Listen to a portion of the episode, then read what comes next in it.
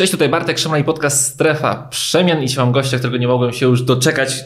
Byliśmy w kontakcie dobrych kilka tygodni. Taki zapracowany człowiek. Dzisiaj mamy człowieka, który, powtórzę się, który chyba o związkach wie wszystko, albo przynajmniej wszystko. Sporo.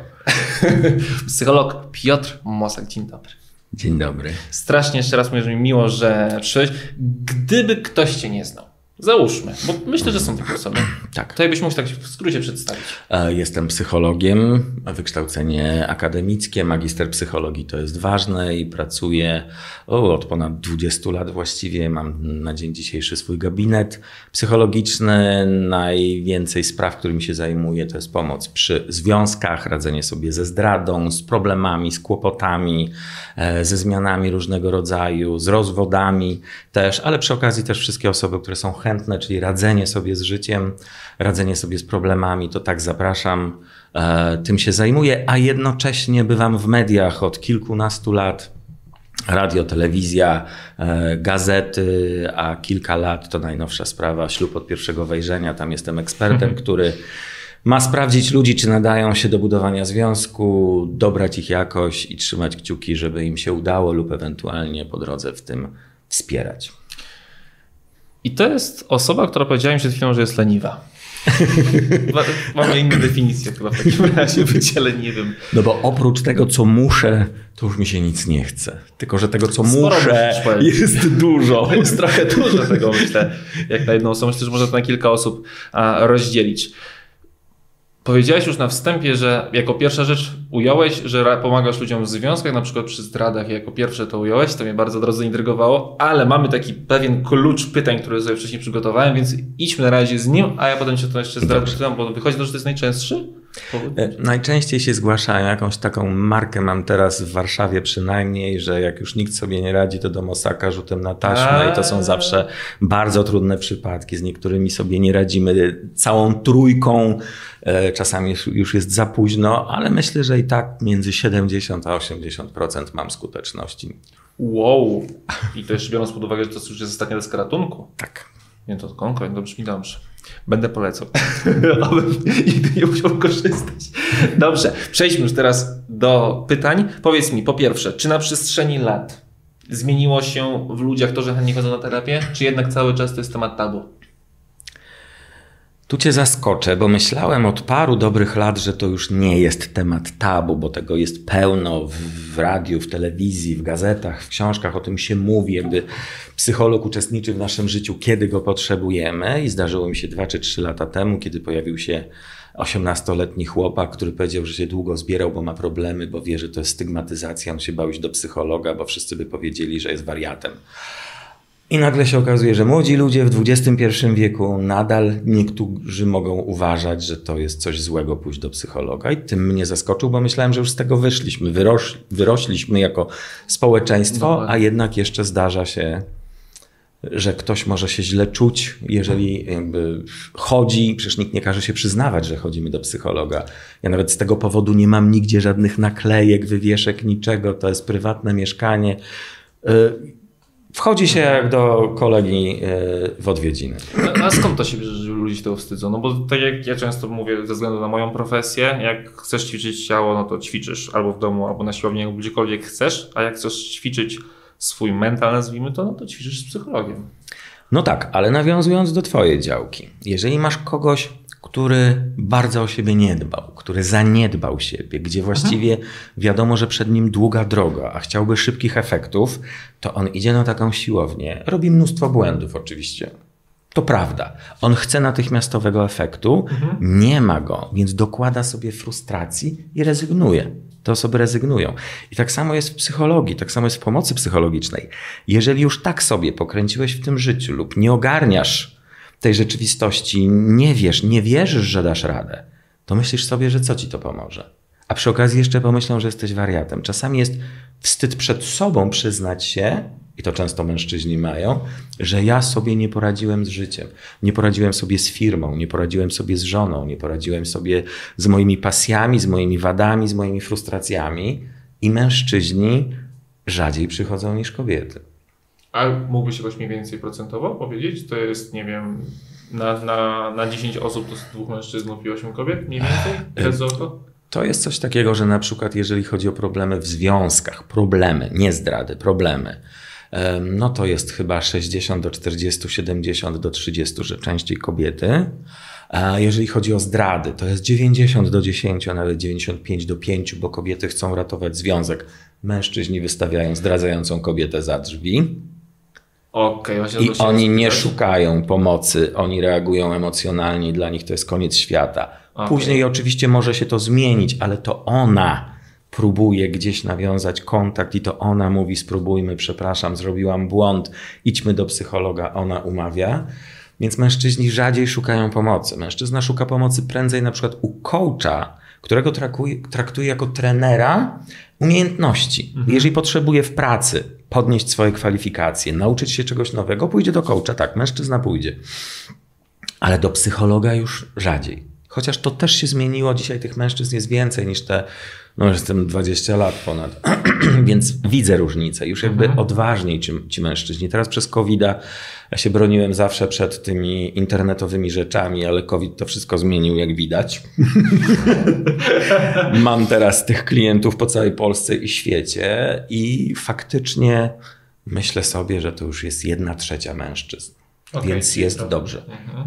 Ale to bardzo ciekawe, że powiedziałeś, że jak jest zdrada, ja mam związek i zdradza kobieta, to faceci nie wybaczają tego, od razu jest koniec?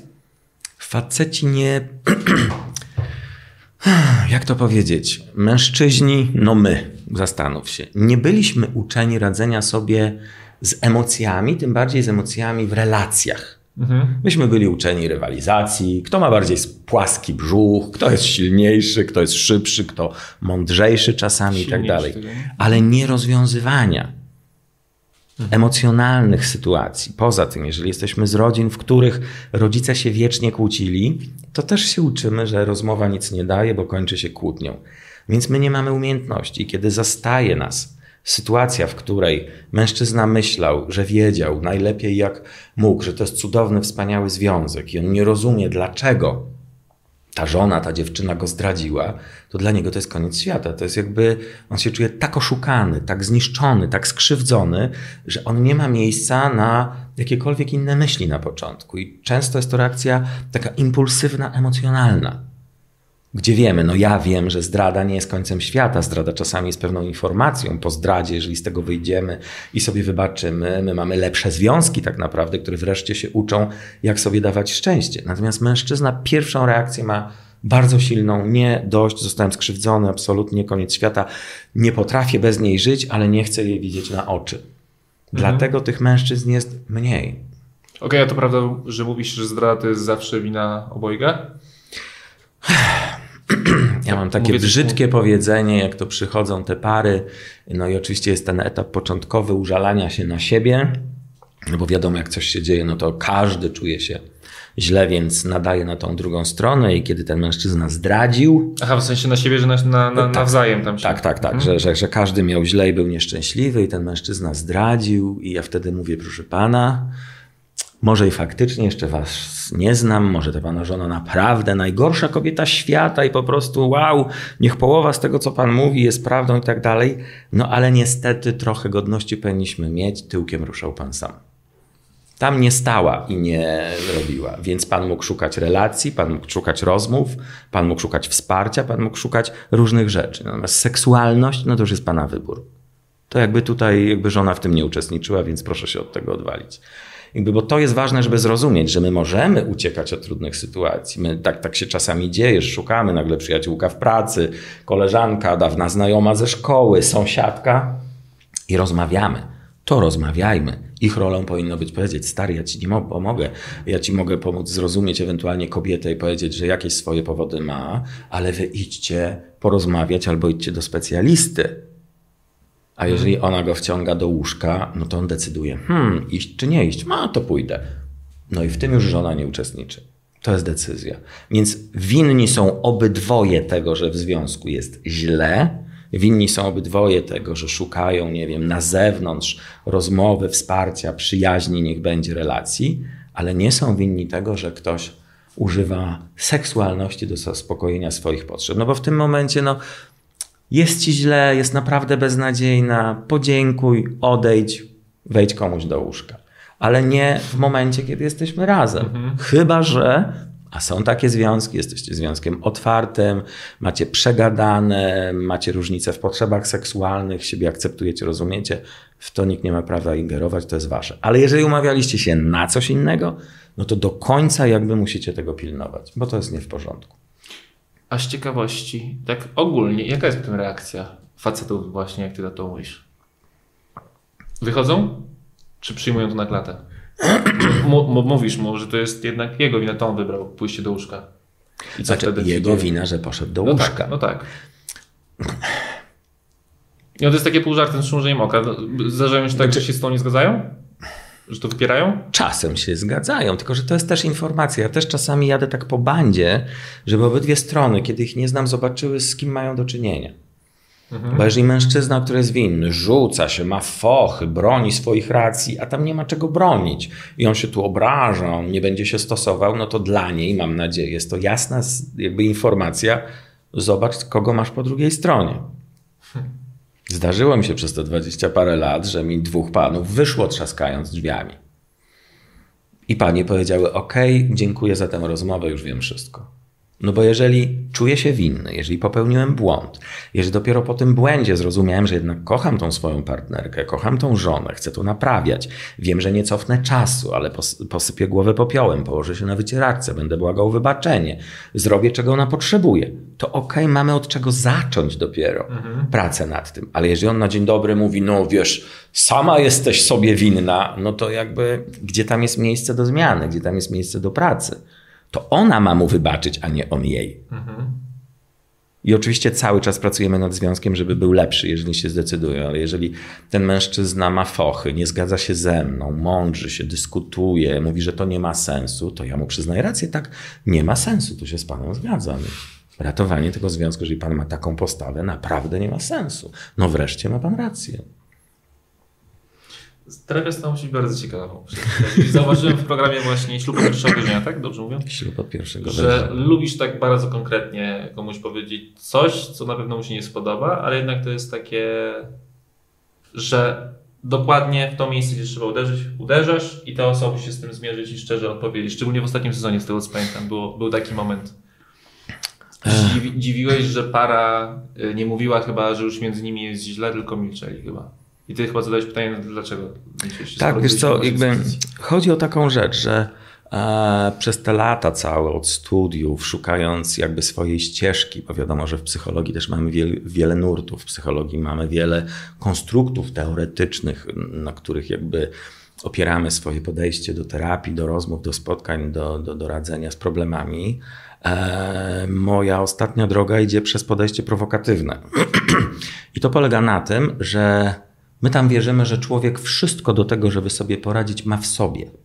Tylko, że z różnych powodów nie korzysta, ukrywa, nie dogrzebał się do tego jeszcze, jakby oszukuje sam siebie, albo ma jakieś przekonania ograniczające, które nie pozwalają mu pewnych rzeczy zrozumieć. Mhm. I chodzi o to, żeby e, tak zadziałać, nie wiem, teraz mi się skojarzyła, lubię metafory, no czuję się jak w gabinecie, więc metafory mi się odpalają. Daj, daj. Nie wiem, czy wiesz, jak się nożem e, otwiera orzech laskowy.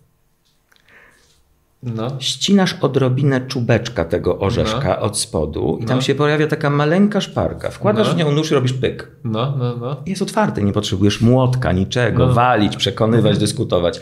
I tak samo jest w prowokatywności. Tak leciutko grzebiesz, później nożyk, pyk, i otwierasz. I, I, człowiek sobie radzi. Człowiek musi się zmierzyć ze swoimi cechami, umiejętnościami, emocjami i on sobie poradzi. My wierzymy. Różnica polega na tym, że w podejściach klasycznych, których jest dużo, e, uważa się metaforycznie, przynajmniej podejście prowokatywne, e, tak uważa, że jakby terapeuta bierze człowieka za twarz, jak konia za uzdę i ciągnie go tam, gdzie on powinien iść, gdzie jest jego miejsce, gdzie wyjaśnił, że tam mu będzie dobrze.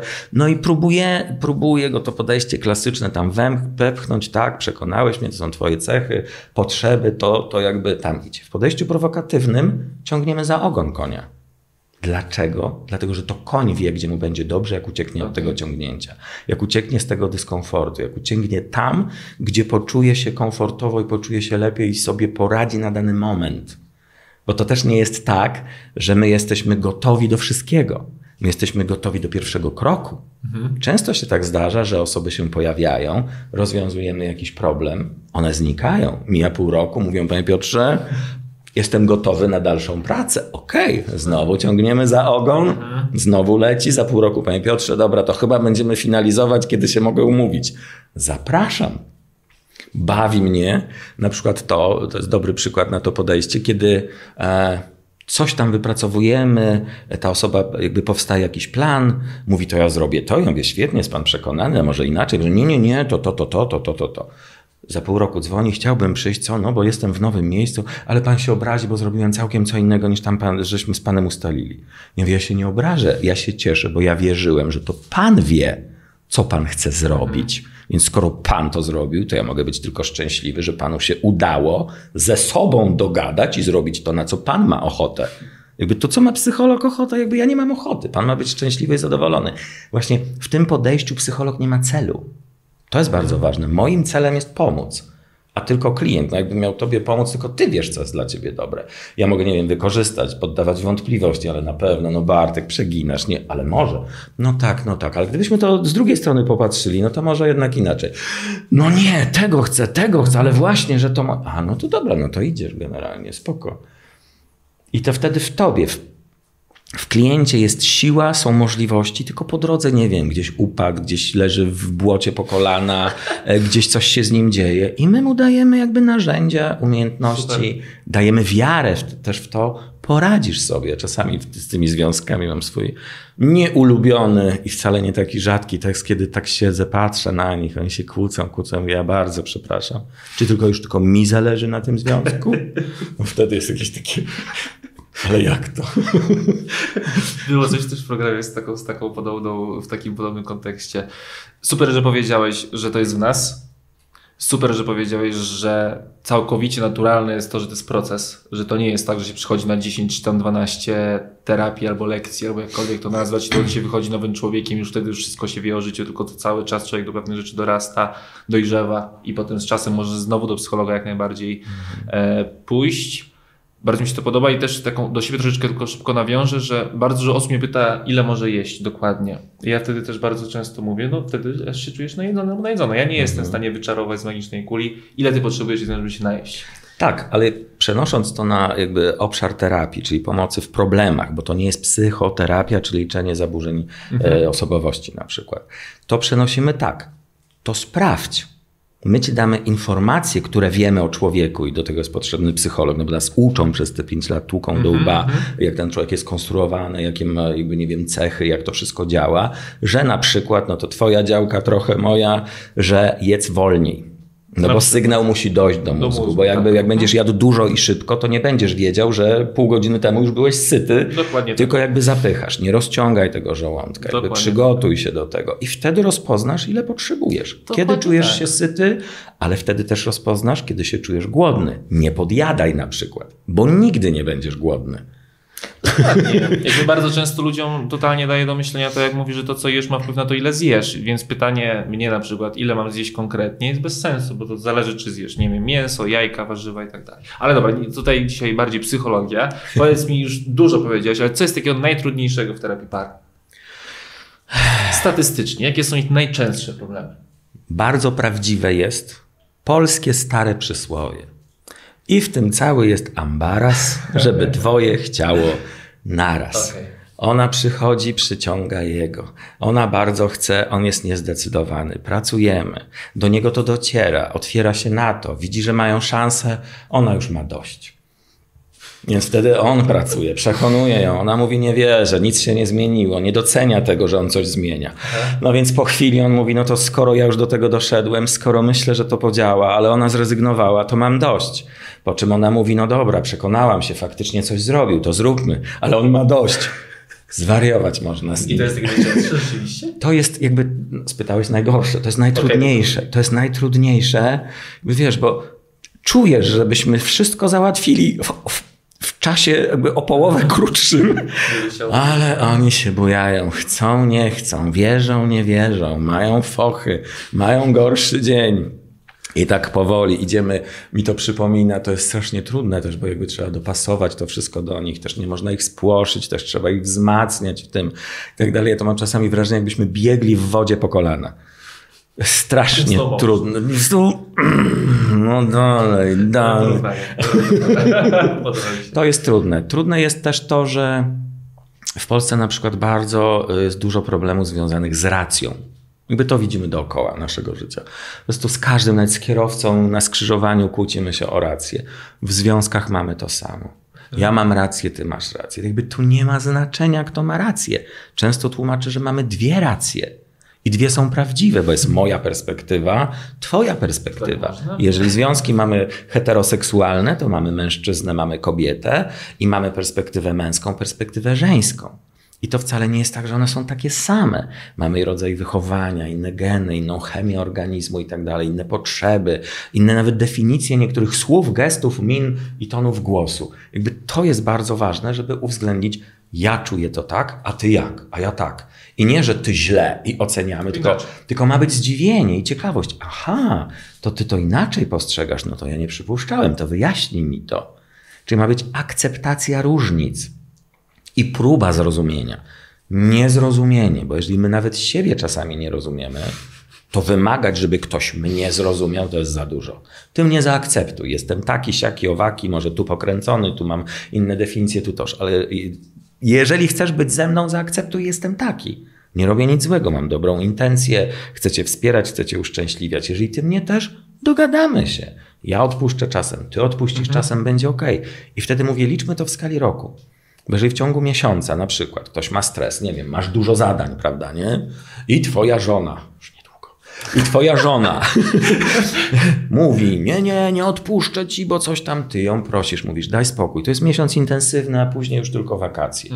I ona powie, tak, ale już trzy czy cztery tygodnie. Zmierz dziewczyno w skali roku. Może to jest ostatni miesiąc w tym roku. Zmierzmy te 365 dni. Nie w skali miesiąca. Jakby zaakceptujmy, posłuchajmy siebie. On mówi, że ten miesiąc dobrze, ale tobie też nie wolno jej oszukać. To ma nie być tak, że ten miesiąc wytrzymała, to kolejny miesiąc, kolejny projekt. naciągnę. Wytrzymała, kolejny projekt wytrzymała. Nie na tośmy się umawiali. Obiecywałeś, że po miesiącu mamy pół roku wakacji? Sorry, pół roku wakacji. Pod koniec możesz mówić, no dobra, już się zmęczyłem wakacjami, może wejdę w jakiś projekt. No pomyślę, też już jestem zmęczona tymi wakacjami. By- Też taka uczciwość. Uczciwość to nie jest tylko wierność w łóżku. Uczciwość to jest to, że ja wiem, co ja mówię. Wiem, jaką mam intencję. E, wiem, że mówię prawdę. Może ja nie umiem tego dokładnie powiedzieć, ale jest to szczere. I banalny przykład na kłamstwa to są na przykład ci biedni mężczyźni, którzy wiedzą, że żona zrobi aferę, że długo siedzą w robocie i mówią: Tak, tak, kochanie, już wychodzę. Odkłada i pracuje dalej. No jest to kłamstwo. No Bo albo przegadaj z nią, albo idź do specjalisty, albo nie radzisz sobie ze swoją wydajnością, albo ona nie akceptuje, że teraz masz trudniejszy okres i potrzebujesz zostać tę godzinę w tej pracy. Ma być akceptacja wzajemna, ale ty masz być uczciwy. Akceptacja i zrozumienie. Akceptacja, próba zrozumienia. Próba zrozumienia. A, widzisz? No. Nie zrozumienie, bo nie jesteśmy w stanie wszystkiego Okej, zrozumieć. próba. No to Ja bardzo nie lubię, jak czasami to unikam. Mhm. I już mnie odpuścili. Czasami media dzwoni, dzwoniły do mnie, czy mógłby pan tam setkę, e, bo tu ktoś zrobił coś, ktoś kogoś skrzywdził, ktoś tam dziecko rodzicom, ktoś kogoś zabił, ktoś kogoś coś. Ja mówię, nie, bo nie mamy pojęcia, jakie miał motywacje. Nie rozumiemy go. Nie wiemy, jak my byśmy się zachowali w tej sytuacji. Ja nie mogę stanąć przed kamerą w tym momencie oceniać obcego człowieka, No tak. którego w ogóle nie znam i ktoś mi mówi albo przeczytałem w internecie, ktoś zabił matkę. Dlaczego on to zrobił? Bladego pojęcia nie miał. Miał powody, albo był zaburzony, albo źle coś zrozumiał, albo generalnie powinien się leczyć, albo powinien siedzieć w więzieniu całe życie. Nie wiem.